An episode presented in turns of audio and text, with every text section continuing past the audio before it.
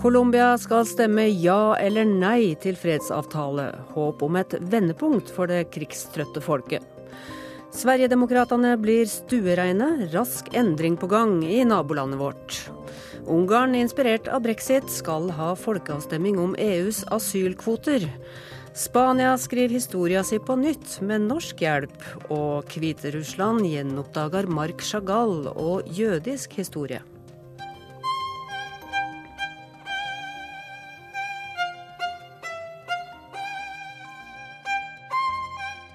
Max var altså født i Vitebsk i det daværende Russland i 1887. I en jødisk familie der han var det eldste av ni barn. Og til slutt i denne sendinga kan du bli med Sissel Wold i tyrkisk bad. Dette er Urix på lørdag. I morgen skal Colombia stemme over den historiske fredsavtalen mellom FARC-geriljaen og regjeringa i landet. Avtalen fikk jo sine formelle underskrifter i en storstila og høytidelig seremoni sist mandag. Og utfallet av folkeavstemninga i morgen kan bety et vegskille i colombiansk politikk. Vi har fått denne reportasjen fra vår utsendte reporter Inger Marit Kolstadbråten i hovedstaden Bogotá.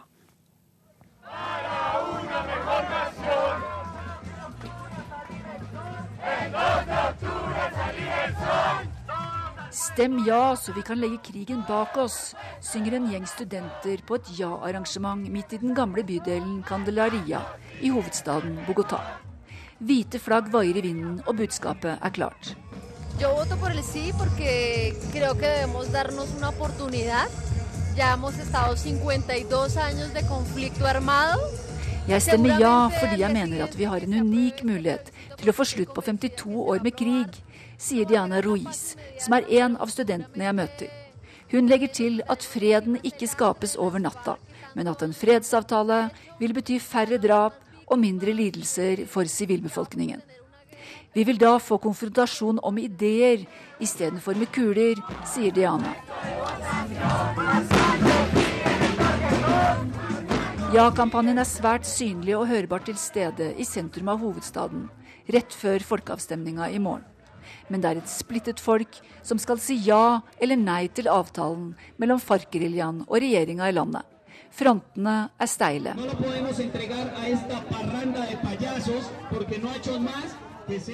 Torsdag kveld samlet nei-folk i hovedstaden seg til det avsluttende arrangementet før den historiske dagen.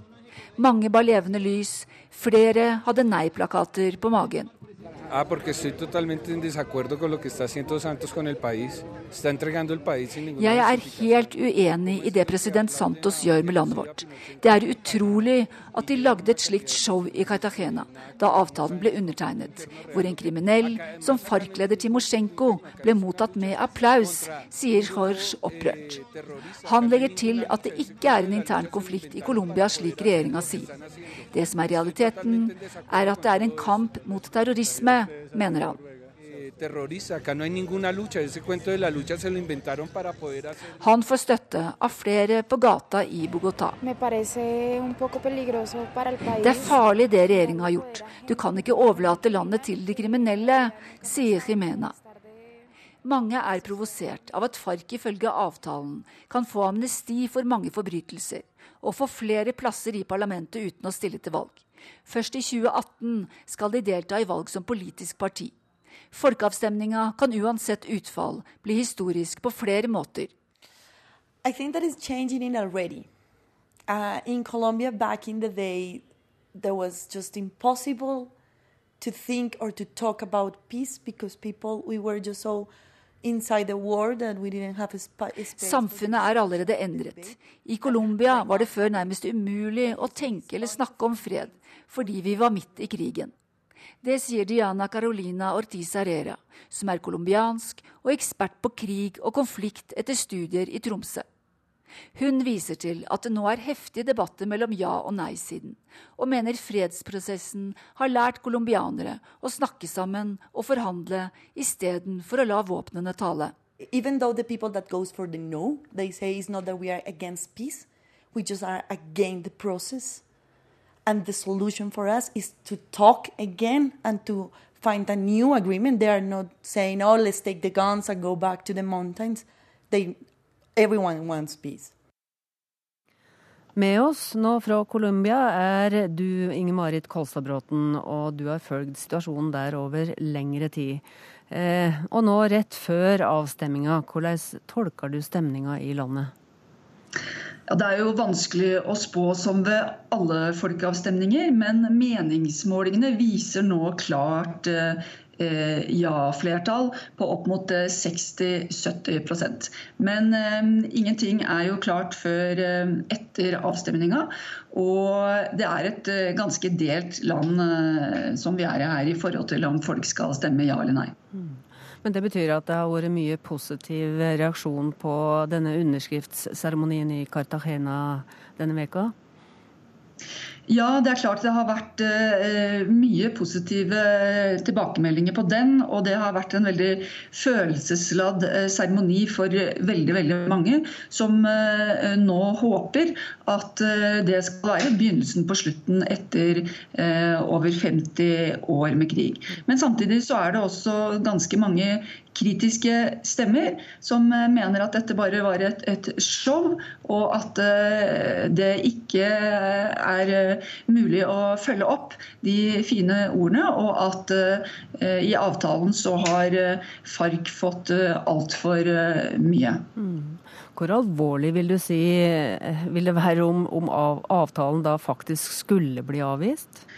Ja, Det er jo det store spørsmålet. Nei-siden sier at de selvfølgelig også vil ha fred, men de vil rett og slett ha en reforhandlet uh, avtale, slik at uh, FARC da får mindre rettigheter. For de ser veldig mange på FARC fortsatt som terrorister og kriminelle. Og de mener at de har fått altfor god avtale med at de bl.a. skal delvis få amnesti for en del forbrytelser og slippe å gå i fengsel hvis de tilstår eh, forbrytelsene eh, ganske raskt. Men eh, ja-siden de avviser jo konsekvent at det er mulig å avvise denne avtalen. Så de sier at det er nå eller aldri. Og som president Santos sier, det er bedre med en uperfekt avtale enn med en perfekt krig. Eh, det sterkeste utfallet kanskje mot eh, avtalen kommer jo fra tidligere president Oribe. Eh, hva slags nedslagsfelt tror du han har? Det er jo mange som støtter Oribe, og hans argumenter går igjen hos mange nei-folk. Og mm, Det går jo først og fremst på mm, dette som jeg sa, at eh, de mener eh, FARC slipper for lett unna, og at eh, Santos nærmest har solgt landet til FARC. og Det er de to tingene med amnesti. Og det andre er det at de skal få plass i parlamentet neste år uten å stille til valg hvis da denne avtalen blir godkjent. Først fra 2018 skal de stille som et politisk parti og kan bli valgt inn i eh, parlamentet. Det har jo vært en veldig langvarig konflikt, og dersom det nå blir ja til denne avtalen, eh, hva tror du som kjenner landet så godt, eh, blir de største utfordringene framover? Ja, Det er jo veldig mange utfordringer. Det er et land som har vært i krig i over 50 år. Det er over 6 millioner internflyktninger. Det er over 200 000 som har blitt drept. Så her er det sår som skal leges hos veldig, veldig mange i dette landet. I tillegg så ligger jo økonomien brakk etter 50 år med krig. Men det som nok mange frykter mest, er at paramilitære grupper eh, andre eh, kriminelle grupper eh, eller eh, de gjenværende geriljaorganisasjonene sånn som ELN, at de skal gå inn og ta over territorier som FARC nå forlater, og også gå inn og overta narkotrafikken i disse områdene. Myndighetene prøver allerede å Eh, demme opp for det ved å, å ha, sende inn eh, politi og eh, militære for å prøve å holde kontroll på eh, disse områdene. Eh, I tillegg så er det jo nettopp de internflyktningene, over 6-7 millioner. Eh, de skal ifølge avtalen få jorda si delvis tilbake. rettighetene til fattige folk på landsbygda skal bli bedre. og dette er enorme utfordringer i et land som har vært i krig i over 50 år. Så alle som vi har snakket med, sier at Fred på papiret er én ting, fred i praksis er noe helt annet. Så uansett så vil dette ta tid. Helt til slutt, eh, Inger-Marit Kåstadbråten. Eh, når du nå har følt dette over så lang tid, eh, hva er det som har overraska deg mest med denne siste, da nokså positive vendinga? Det som nok har overraska både meg og, og flere andre, er jo å se den endringa man har sett hos FARC. Eh, og FARC-kommandanter, eh, hvordan de nå framstår i media. Tidligere så har jo de vært eh, krigere, geriljasoldater inne i jungelen. Nå framstår de i seremonien med hvite klær, ber om unnskyldning og, og, og snakker om forsoning. Jeg møtte jo selv FARC-leder Timosjenko rett før eh, signeringsseremonien. Og han sier at nå vi må lære våre barn eh, å ikke tenke krig. Eh, vi må jobbe for å få til forsoning. Det er ikke lett, men det er viktig for å få dette landet på fot igjen. Og det er klart For mange så er det veldig uvante ord fra den siden. Og noen tar det til seg og synes det er veldig flott og tror på det, mens andre Eh, ikke tror en døyt på det eh, de sier. Hmm. Spennende tider akkurat nå i Colombia. Takk skal du ha, Inger Marit Kolstad Bråten fra Bogotá.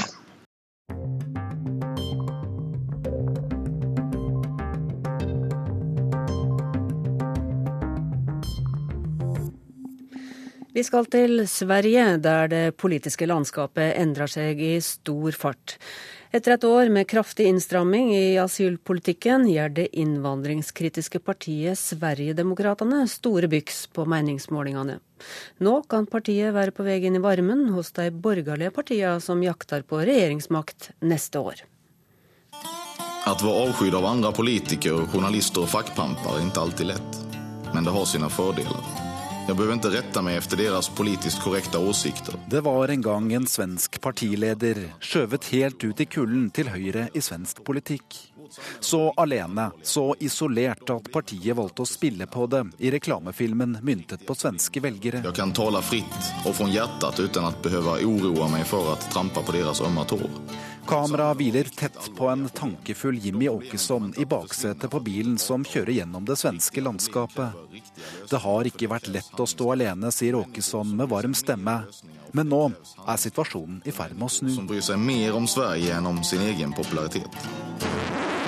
Det är klart att det, de här signalerna är kanske för många och lite för tydliga kanske för att man inte ska uppfatta dem ändå som just signaler eller möjligen testballonger. Alltså man... Jimmy Åkesson snakker om signaler fra de andre borgerlige partiene. Signaler om fremtidig samarbeid. Kanskje kan partiet være på vei inn fra kulden. Mer om det litt senere. Deres idé er å si dem i stedet for vi. De vil dele opp oss som mennesker og gjøde mistenkeliggjørandet. Dette er Fredrik Reinfeldt, tidligere statsminister for Moderaterna. Det er Sverigedemokraterna han snakker om, og det er ikke mer enn tre år siden. Få tenker om anvende til en enda sak, og det er å gi seg på mennesker som har kommet hit fra Den daværende svenske statsministeren lovet å isolere det innvandringskritiske partiet, og hadde resten av de svenske partiene i ryggen.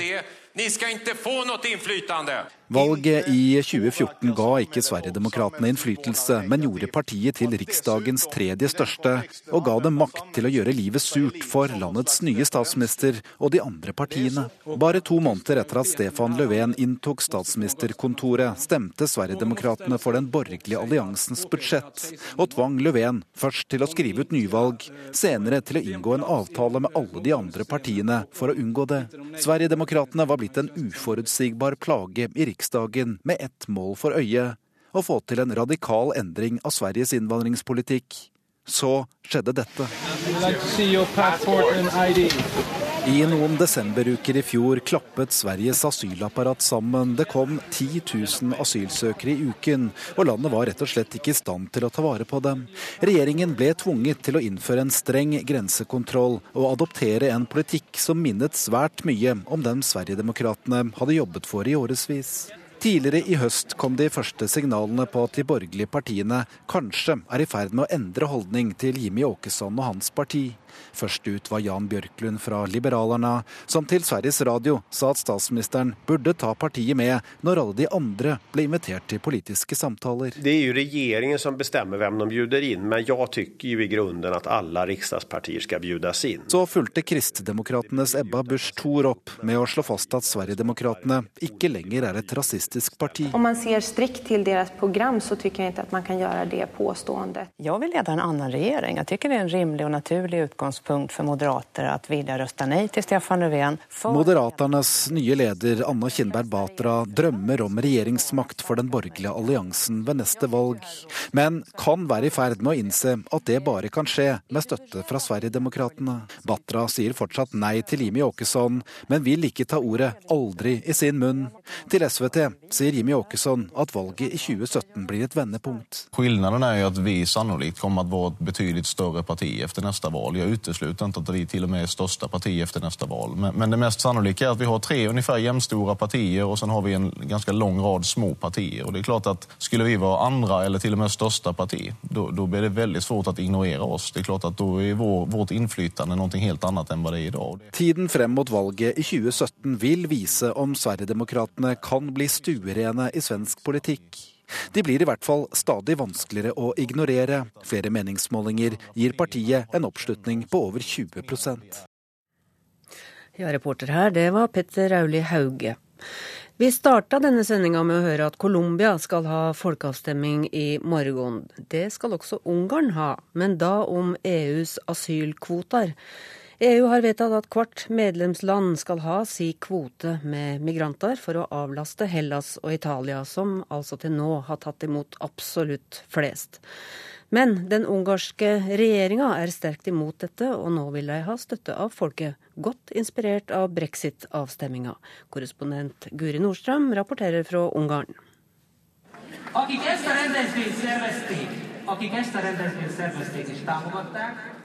det er fredag kveld i Budapest. En gruppe frivillige organisasjoner arrangerer en demonstrasjon mot den ungarske regjeringens migrantpolitikk.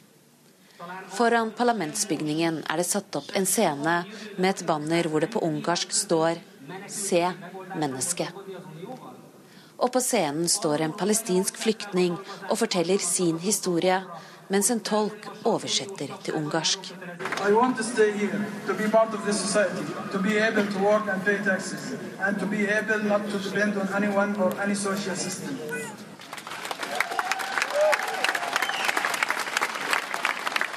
there is a war and they, they have to leave their country and they need our help. Eva Bernat er blant demonstrantene, viftende med et stort EU-flagg. So we, we can't answer with uh, no, and we can't answer with that uh, we don't agree with EU and we, we don't agree with Brussels.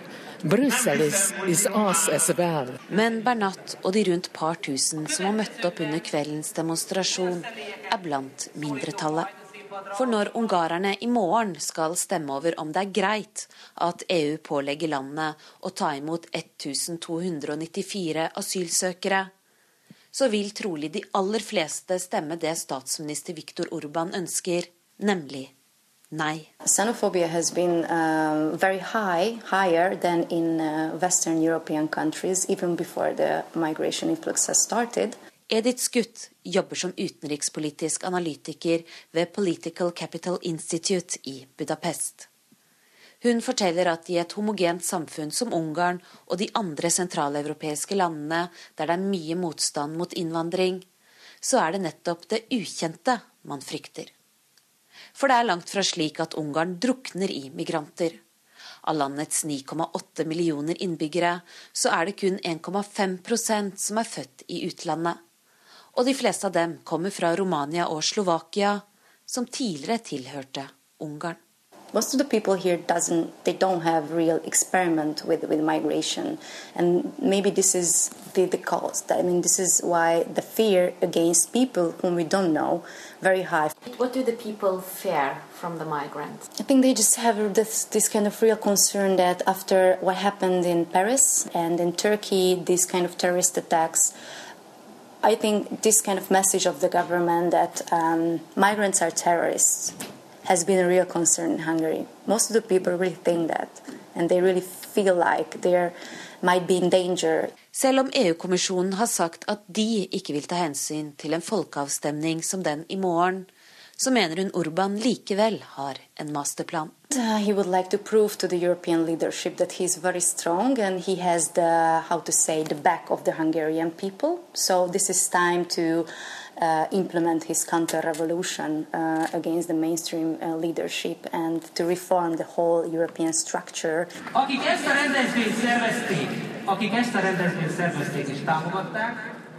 På kveldens demonstrasjon er det én som har forvillet seg inn i mengden. I don't know, I don't know the concept. Really, I, I wasn't informed. Og når han får høre hva det dreier seg om, er han ikke enig. I'm 68 years old, and over 60, almost everybody is for the status quo. That they they don't like changings. Uh, that that can be a, a big change. I morgen gir han derfor asylkvotene et nei, og statsminister Urban en tommel opp.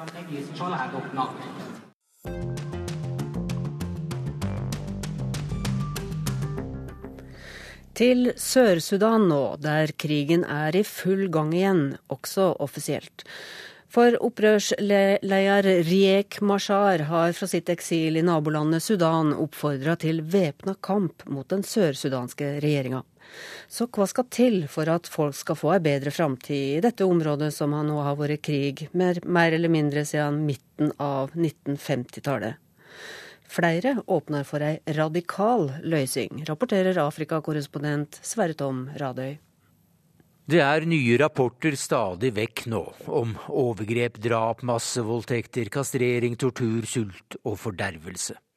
Det er så ille i Sør-Sudan at en Afrika-korrespondent kvier seg for å sitere fra rapportene mens sola skinner i Oslo, Nairobi og Bergen en lørdag formiddag. Og denne uka ble nok en dyster milepæl passert.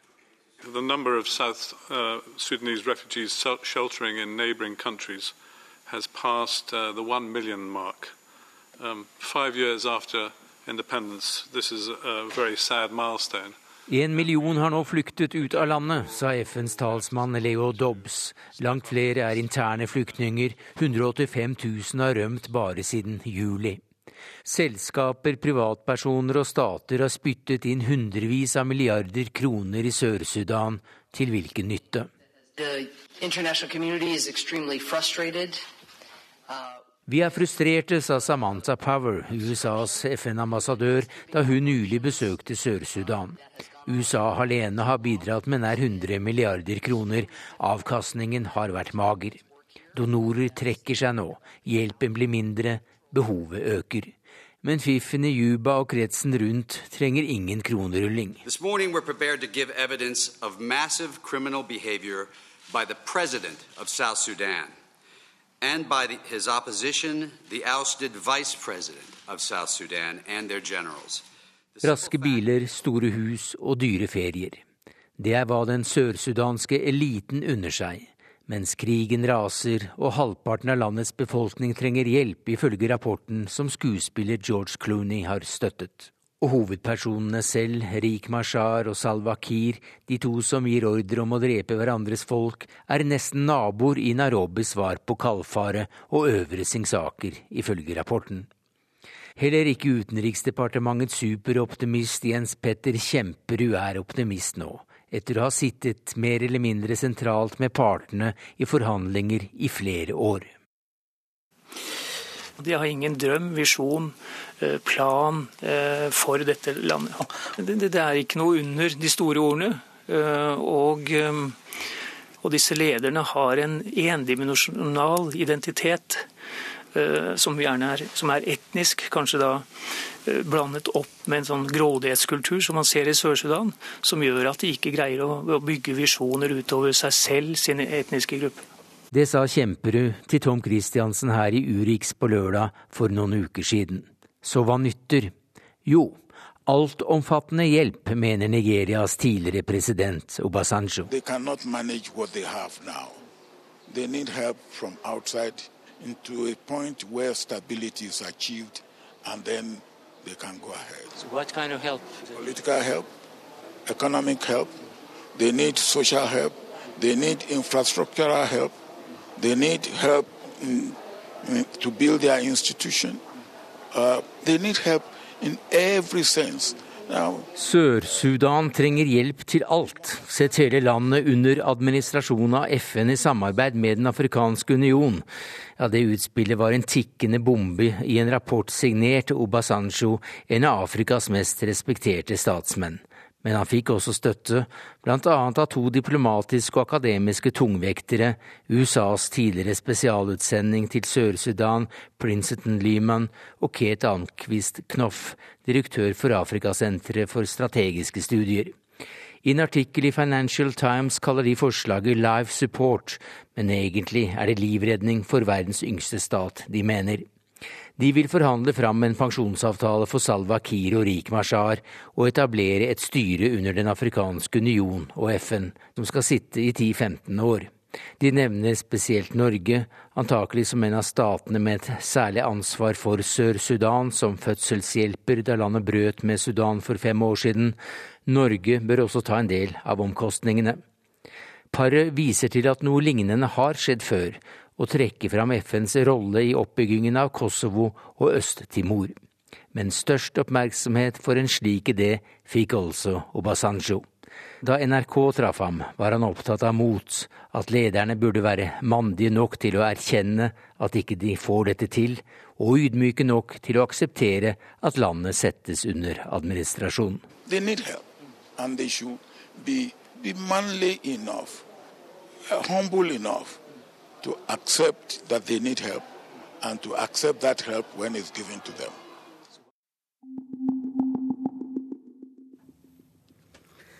Det er i år 80 år siden Spaniakrigen starta, og den ble utgangspunktet for et helt spesielt norsk engasjement.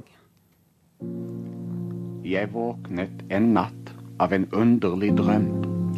Det var som en stemme talte til meg, fjern som en underjordisk strøm. Og jeg reiste meg opp. Hva er det du vil meg? Du må ikke sove. Du må ikke sove. Du må ikke tro at du bare har drømt. I går ble jeg dømt. I natt har de reist skafottet i gården. De henter meg klokken fem i morgen. Hele kjelleren her er full, og alle kaserner har kjeller ved kjeller. Vi ligger og venter i stenkolde celler. Vi ligger og råtner i mørke hull. Vi vet ikke selv hva vi ligger og venter, og hvem der kan bli den neste de henter. Vi stønner vi skriker, men kan dere høre? Kan dere absolutt ingenting gjøre? Ingen får se oss. Ingen får vite hva der skal skje oss. Enda mer. Ingen kan tro hva her daglig skjer. Du mener det kan ikke være sant. Så onde kan ikke mennesker være. Der fins da vel skikkelig folk iblant. Bror, du har ennå meget å lære. Man sa du skal gi ditt liv om det kreves. Og nu har vi gitt det forgjeves. Forgjeves. Verden har glemt oss. Vi er bedratt. Du må ikke sove mer i natt. Du må ikke gå til ditt kjøpmannskap og tenke på hva der gir vinning og tap. Du må ikke skylde på aker og fe, og at du har mer enn nok med det. Du må ikke sitte trygt i ditt hjem og si det er sørgelig, stakkars dem. Du må ikke tåle så inderlig vel den urett som ikke rammer deg selv. Ja, det var Arnulf Øverland si velkjente stemme. Og dette antifascistiske diktet fra 1936 blei da starten på et spesielt hjelpearbeid. Og velkommen i studio, Knut Hermundstad Aukrust og Dorte Skulstad. De to har rulla opp ei historie som det lenge var forbudt å snakke om i Spania. Hvordan var det at de kom i gang med dette arbeidet? Eh, for oss så startet det en del år tilbake i forbindelse med en bok vi arbeidet med eh, om nordmenn i Spania før oss. Eh, vi hadde jo hørt at hadde reist mange unge norske gutter til Spania under borgerkrigen. Eh, også at det var noe som het Spaniahjelpen. Men så veldig mye mer visste vi egentlig ikke i utgangspunktet. I, under dette arbeidet vårt så kom vi i Spania i kontakt med entusiastiske lokale historikere i to byer som drev med et meget interessant arbeid for oss. Eh, det var byene Oliva ved Middelhavet og Alcoy litt lenger inn i landet. Der hadde de satt i gang et stort arbeid for å gjenfortelle, finne tilbake til historien fra borgerkrigen. Som du sa, var jo dette tabu i veldig mange år å snakke om. Eh, men i 2007 var det vedtatt en ny lov i Spania om historiske minner, som gjorde det mulig å gjenvinne historien. De ville finne ut hva hadde skjedd på deres hjemsteder. Mm. Så dette ble da starten på et uvanlig norsk-spansk eh, samarbeid i dag, men som jo går tilbake til borgerkrigen da. Og Det som var interessant eh, for oss, for vi var jo utgangspunktet for å se spor etter nordmenn. Men her var det egentlig spanjoler som hadde funnet at nordmenn hadde vært der. Det altså var disse entusiastene i Oliva Alcoy som oppdaget at de ikke var alene, slik eh, Øverland også beskriver det her. For det var faktisk eh, stor folkelig internasjonal oppslutning om dette arbeidet i Spania å støtte republikken med frivillig hjelp. Og i Alcoy og Oliva så var det altså norske og svenske innsamlinger fra, for å gi økonomisk støtte og materiell støtte. Så det de gjorde i Alcoy, det var at nordmenn og svensker gikk sammen om å bygge opp et militærsykehus i eh, Oliva, så var det barnekolonier. Det som er interessant med disse to prosjektene som, eh, som de jobbet med i, i, Spania, og som gjorde så inntrykk på oss, det var at de eh, uttrykte en veldig takknemlighet overfor nettopp eh, denne solidariteten som da også kom fra, fra Norge. Mm. Og hvorfor syns de at det ble så viktig at de nå nesten bruker hele tida på å få fram denne historien? Vi ble veldig imponert over arbeidet de gjorde i Spania. Eh, men vi ble også imponert over nordmenns bidrag til Spania.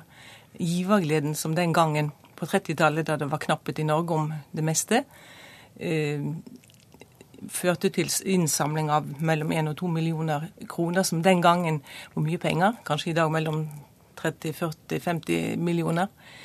Eh, dette var nordmennenes bidrag, som var ukjente for oss. Og vi tenkte at dette kanskje var ukjent for mange andre også i Norge, om disse to stedene, hvor Norge var en viktig del av historien, som de hadde funnet, ut, funnet opp, som ikke vi kjente. Mm. Og dette Hospital Sueco Norvego, det svensk-norske sykehuset, det var jo et stort sykehus?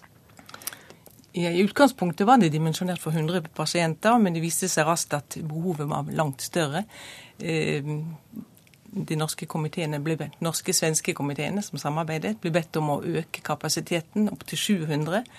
Og dette førte også til intensivering av innsamlingsarbeidet i de to landene.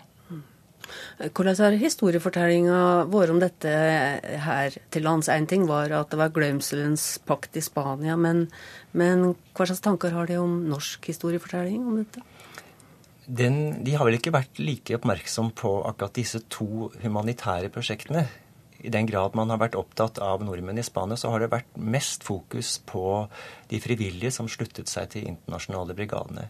Men det er én skikkelse som peker seg veldig ut her, som også ble veldig kjent. Det var Nini Gledic, som jo da var den som var eh, administrator og koordinator for flere av disse, begge disse to prosjektene. Hun var først i Alcoy, militærsykehuset der, den tiden det var norske og spanske eh, og svenske leger, altså 1937. Men etter det så var det hun som også da var hovedansvarlig for koordineringen av dette arbeidet i Oliva med barnekoloniene, og også det barnesykehuset som var der, som da ble hetende Fridtjof Nansen. Mm nettopp som en sånn ære til, eh, til, til, til, nordmennene. Men som da også da ble strøket etter at Franco seiret. Det var også en gate i Oliva som het Calle Norvega, altså den norske gaten, som også ble strøket etter at Franco kom eh, på banen. Det som vi ønsker eh, å gjøre i Norge, med denne utstillingen som kommer altså åpner den 10. det er jo at vi tar med de to eh, delene av utstillingen som har vært i Spania fra før.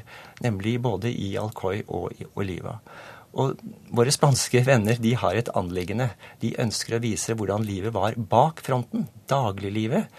Og at de ble så imponert over hva de fikk i stand innenfor republikken i de fredelige områdene som ellers er blitt framstilt som et sånt kaostilstand hvor det var krig og konflikter mellom anarkister, sosialister og kommunister. Mm. Dette var en kjempesuksess. Og det, de kom raskt på banen, og de organiserte dette veldig kjapt og veldig imponerende. Og skapte en trygg oppvekst for disse barna som, som var i barnekoloniene, f.eks.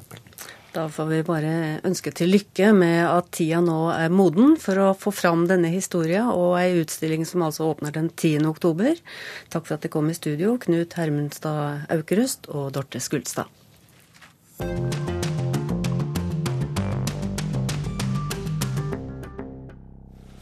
Jødisk historie i Hviterussland kom denne siste veka fram i lyset for dette var fødestaden til Shimon Peres som døde onsdag. Jøde var også kunstneren Mark Chagall, men i mange år fornekta styresmaktene i heimbyen arven etter Chagall. Men nå skjer det gjenoppdaging, forteller vår Moskva-korrespondent Morten Jentoft. Наверное, до перестройки Витебск очень активно сопротивлялся возвращению имени Шагала. Fram til perestrojkaen på slutten av 1980-tallet så tror jeg vi må si at Vitebsk by aktivt motarbeidet alt som hadde med Mark Chagall å gjøre. Dette sier Irina Voronova, direktør for det som nå har blitt Chagall-museet i denne Hviterusslands fjerde største by. Hun viser meg rundt i det beskjedne museet som holder til i en murbygning rett overfor det gigantiske komplekset som er hovedkvarteret til KGB, som sikkerhetspolitiet i Hviterussland fremdeles heter. В советском искусстве был принят художественное направление художественного реализма. Max Chagals fabelaktige stil passet ikke inn i den realistiske stilen som dominerte i Sovjetunionen, forteller Irina Voronova. Derfor valgte myndighetene i Vitebsk å si nei til tilbudet fra den store kunstneren om å donere en stor del av sine verker til byen. I dag er det utrolig at noe slikt kunne skje, når vi vet at Chagall hører til blant de mest anerkjente kunstnerne fra det 20. århundre, og hvis verker omsettes for store summer på kunstauksjoner verden over.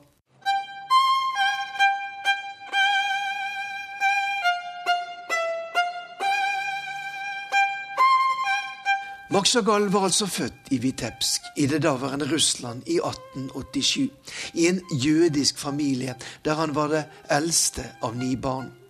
Oppveksten i det den gang multikulturelle Vitebsk med sine ortodokse kirker og synagoger inspirerte han livet ut, bl.a. til maleriet med 'Spillemann på taket', som seinere igjen ble til en av verdens mest kjente musikaler Мы бы и не зашли бы. Irina Voronova tar oss med inn i Marc Chagalls barndomshjem, som nå er restaurert og utgjør den andre delen av Chagall-museet i Vitebsk. Her drev hans mor en liten butikk, mens faren jobbet for en lokal fiskehandler. Marc Chagall bestemte seg tidlig for å bli kunstner. Han studerte i St. Petersburg og dro som så mange andre malere til Paris men vendte i 1914 tilbake til Vitebsk, der han giftet seg med Bella, som også kom fra en jødisk familie. Han støttet i utgangspunktet den russiske revolusjonen i 1917, og var en periode kommissær for kunst i Vitebsk-området, før han i 1923 forlot hjemlandet for godt. Я вам должен сказать, что ту сказку, которую придумал Шагал, а то, что он рисовал всю свою жизнь, это была de eventyrlige bildene som Marc Chagall etter hvert ble så kjent for, ja, de var hentet her fra denne byen, sier Arkadi Schulman, mens vi vandrer gjennom Suvorova-gaten i Vitebsk. Her er det ikke vanskelig å se for seg hvor Marc Chagall hentet sin inspirasjon fra. Her er det vakre, gamle steinhus, og opp mot himmelen glinser de gylne løkkuplene på de ortodokse kirkene vakkert i høstsolen. Da Потом, естественно, еврейское население в городе было 30 synagog og молитвенных домов. Rundt århundreskiftet da Mark Chagall vokste opp, var det rundt 30 synagoger eller jødiske bønnerom her i Vitebsk, sier Arkadi Schulman. Han er selv jøde og har skrevet flere bøker om jødenes historie her i denne byen, som ligger i kjerneområdet for det som var et jødisk bosetningsbelte vest i det russiske imperiet. Israels nå avdøde president Simon Peres kom også herfra, et par hundre kilometer sørvest for Vitebsk. Живая была еврейская жизнь. Тоже было очень много евреев в Витебске. Det var svært mange jøder her i byen da jeg vokste opp, sier 88 år gamle David Sonkin, som jeg treffer i den lille synagogen som fremdeles samler den jødiske menigheten i Vitebsk. Jeg tror det var rundt 60% jøder her før annen verdenskrig, men sovjetmyndighetene hadde da stengt alle synagogene. Vi måtte samles til bønn i det skjulte, forteller David, som sammen med sin familie klarte å komme seg unna Vitebsk sommeren 1941 like før de tyske troppene inntok byen. По разным данным, от, скажем, условно, от 14 до 20 тысяч евреев здесь погибло. Dermed var han blant de heldige. Historikeren Akadi Schulman mener at mellom 14 000 og 20 000 jøder i Vitebsk ble drept i løpet av noen måneder høsten 1941. Den verste nedslaktingen skjedde ved månedsskiftet september-oktober, på samme tid som Babiyar-massakren i den ukrainske hovedstaden Kiev. Blant dem som ble drept, var også en stor del av Chagall-familien, som bodde i en by 40 km sørøst for Vitebsk. Смотрите, он узнал об этом jeg tror nok Maksjagal fikk vite om det som hadde skjedd, men det skjedde først etter annen verdenskrig, sier Arkadi Schulman. Selv skulle kunstneren aldri vende tilbake til sin hjemby. Ryktene sier at det sovjetiske sikkerhetspolitiet KGB hindret et besøk til Vitebsk da Maksjagal i 1973 besøkte Moskva, tolv år før han døde, 98 år gammel, i 1985.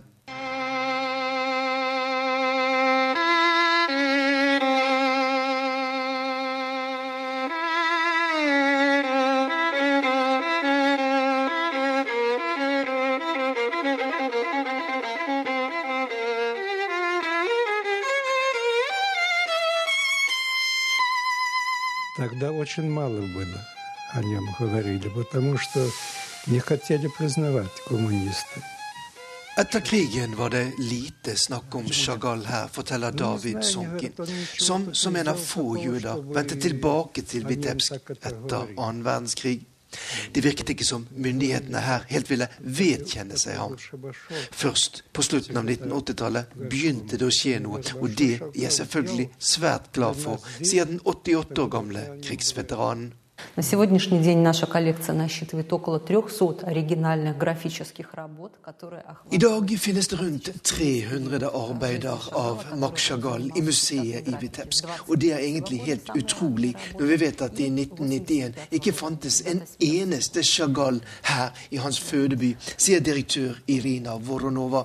Hun forteller at det er takket være gavmilde samlere og Chagalls egen familie de nå har en liten samling å vise fram.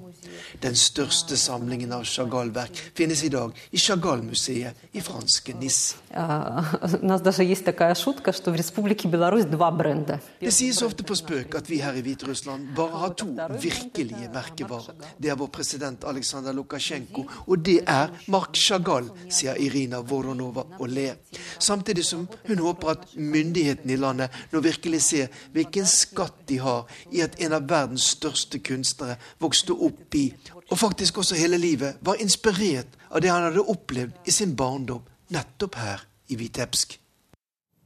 Og den velkjente musikken vi hørte her, var fra både musikalen og filmen 'Spelemann på taket', framført av Isak Stern og Artur Banaskevskij.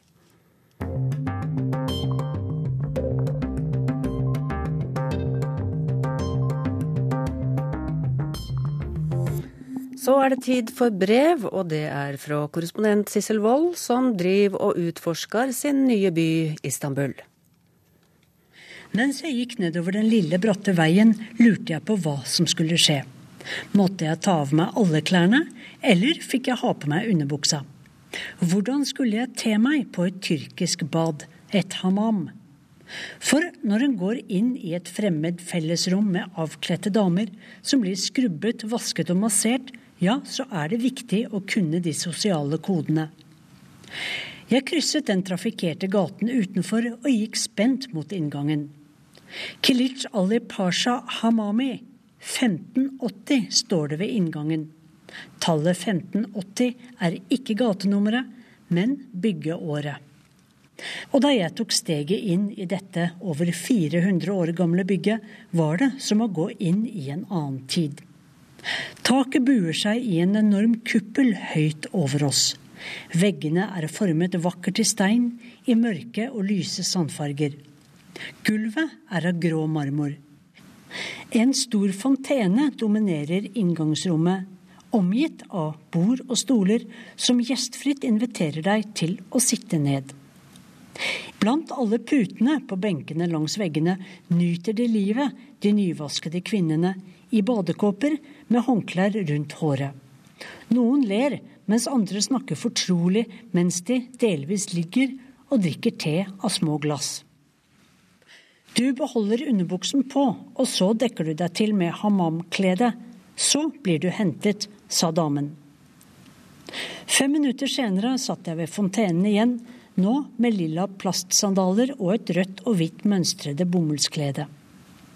En kald drikk som minnet om granateplesaft ble servert. Godt for kroppen før badet, forklarte damen. Følg meg.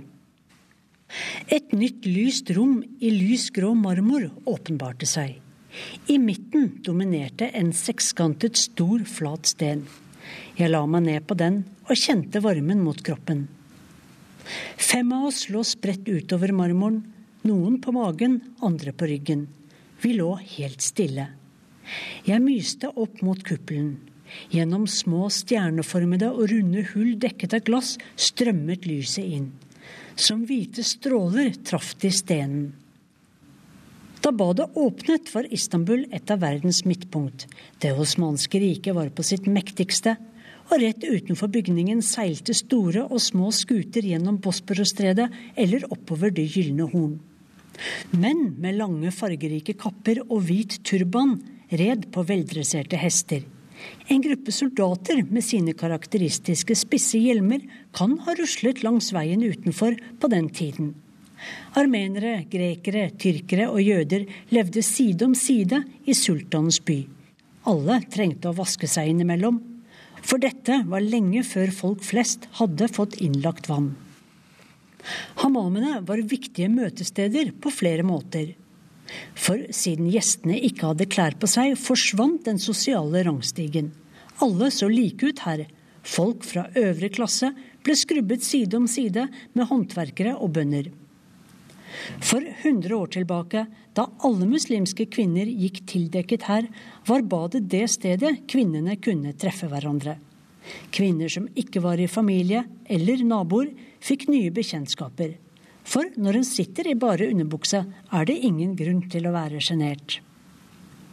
Mens jeg kjente varmen fra stenen og hørte lyden av plaskende vann, prøvde jeg å se for meg de som hadde ligget på denne marmoren for flere hundre år siden. Kanskje en ulykkelig ung jente som gråt stille over at hun ikke skulle få den mannen hun elsket. Blandet de bitre tårene hennes seg med vannet på stenen fordi foreldrene hadde lovet henne bort til en ukjent mann.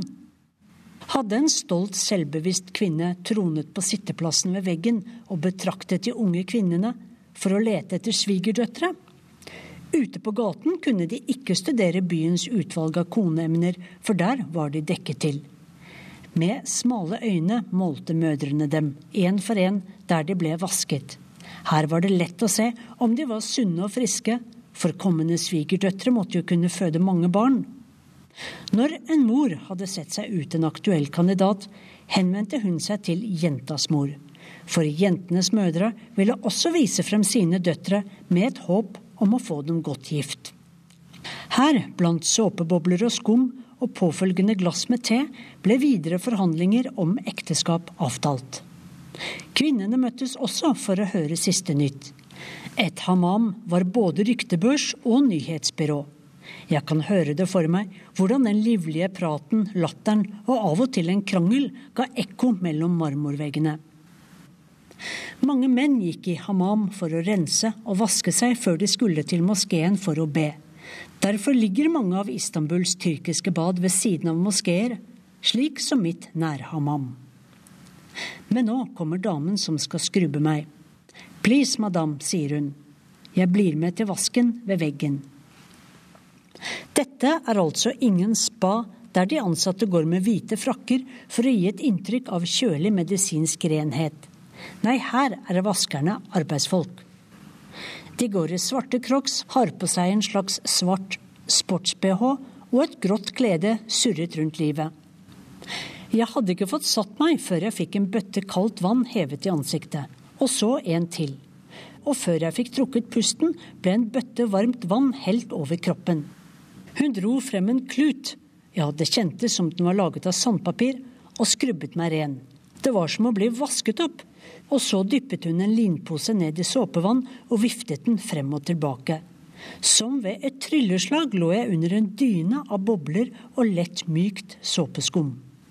Hvordan fikk hun til det? Jeg ble vasket og gnidd med såpe slik en mor vasker en møkkete unge. Litt pussig å bli skrubbet av en voksen dame i grunnen, men så beroliget jeg meg med at yrket som hammamvasker er flere hundre år gammelt. Det er et yrke som går i arv, og det er et krevende yrke, for du må være sterk.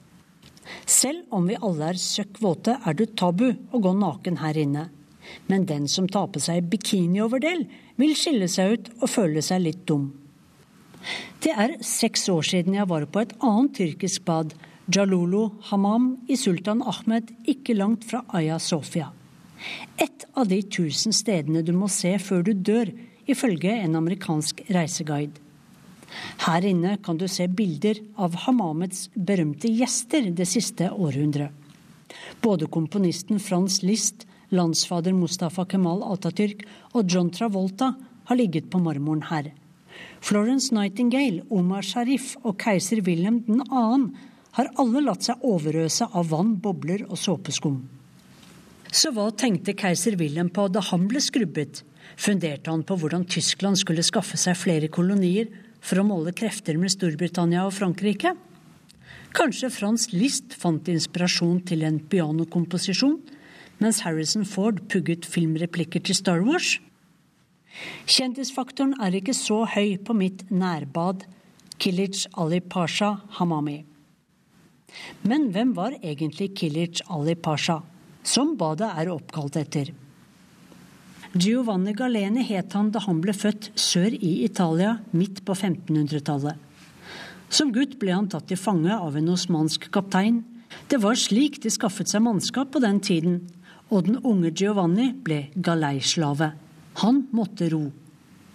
Men da skipet hans deltok i krig, fikk han vise frem andre talenter, for han var en djerv soldat. Og den uredde krigeren steg i gradene. Med årene ble han en respektert kaptein på sitt eget skip. Underveis konverterte han til islam, for Giovanni tilhørte janitsjarene. Ungguttene sultanens hær tok til fange i Europa for å trene dem opp til å bli elitesoldater. Giovanni ble til Uluc Ali, og som takk for innsatsen i slaget ved Hellas i 1571 fikk han tilnavnet Kilic, sverd på tyrkisk, altså Kilic Ali Pasha. Legenden om galeislaven som ble admiral i sultanens marine, er til og med nevnt i Cervantes berømte roman Don Quijote. I 1578 ga Kilic Ali Pasha arkitekten Mimar Sinan oppdraget med å bygge et hamam som skulle tjene den osmanske flåtens marinesoldater, leser jeg på hjemmesiden til hamamet. Så det er altså marinesoldater som har ligget på denne stenen de første århundrene lurer på hva de har tenkt på mens lyset flommet over dem på den varme, lysegrå marmoren. Dette var Urix på lørdag. Hovedsak var Colombia med håp om et vendepunkt etter 52 år med krig. I morgen blir det et ja eller nei. Hør oss gjerne på nett. På nrk.no er det oppdatering på den siste sykehusbombinga i Aleppo, Syria. Vi som fikk denne sendinga på lufta, Stein Nybakk, Oda Holm Gulbrandsen, her i studio Sigrun Slapgard.